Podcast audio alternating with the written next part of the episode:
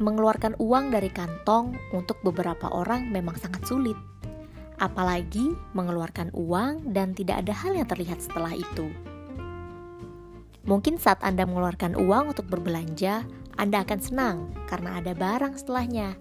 Tapi kalau untuk diberi ke orang lain, ya sebagian orang sulit melakukan termasuk saya.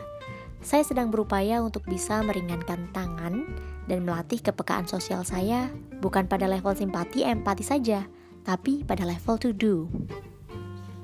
Rasanya kalau kita mau kasih uang ke orang lain yang membutuhkan, kita selanjutnya akan berpikir, padahal dengan uang segitu bisa tuh beli jajan di tempat yang baru dibuka kemarin, bisa tuh beli sepatu yang baru launching, bisa tuh buat beli make up, bisa tuh buat yang lain-lain dan sebagainya. Padahal kita tahu hidup tidak melulu tentang kalkulasi, bukan? Apa kata-kata itu hanya di caption saja? Ya, beri-memberi adalah sebuah transaksi kita dengan Tuhan. Saat kita memberi kepada orang yang membutuhkan dan mereka sangat senang, Tuhan akan melihatnya. Tuhan akan mengganti apa yang kita keluarkan. Dulu saya pernah baca sebuah buku bestseller Indonesia tentang seseorang yang jika dia menginginkan sesuatu dia akan sedekah.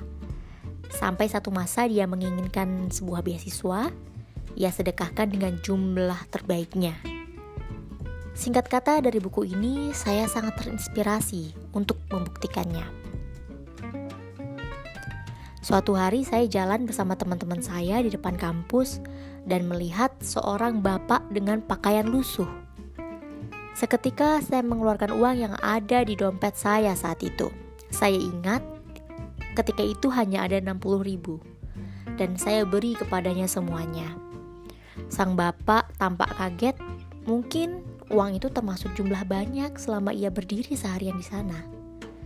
Berkali-kali ia mengucapkan terima kasih pada saya dan mendoakan banyak hal saya mengamini. Ada rasa di mana saya sangat senang bercampur puas dengan melihat sang bapak bahagia. Bahagia yang saya rasa itu berbeda. Apakah itu bahagia sungguhnya melihat orang lain bahagia? Namun tampaknya akal rasional saya masih bertanya, apakah Tuhan akan mengganti uang saya?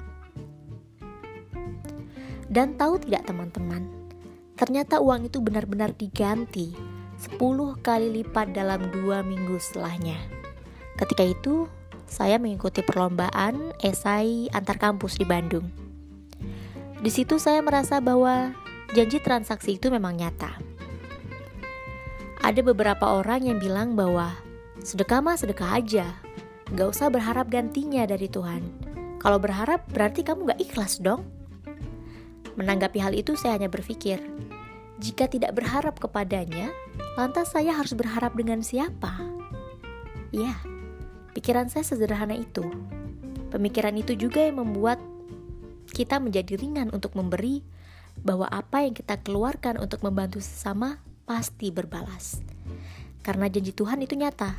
Barang siapa yang melakukan kebaikan, maka kebaikan itu akan berbalik kepadanya.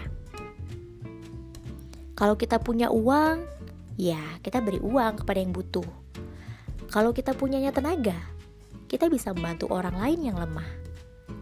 Kalau kita punyanya senyuman, tersenyumlah. Itu bisa membuat energi positif loh ke orang lain. Ya, hidup memang bukan tentang kalkulasi. Hidup hanya untuk dijalani, menjadi bermanfaat untuk lebih banyak makhluk Tuhan lainnya, dan bersinergi untuk bisa menciptakan sebuah kedamaian.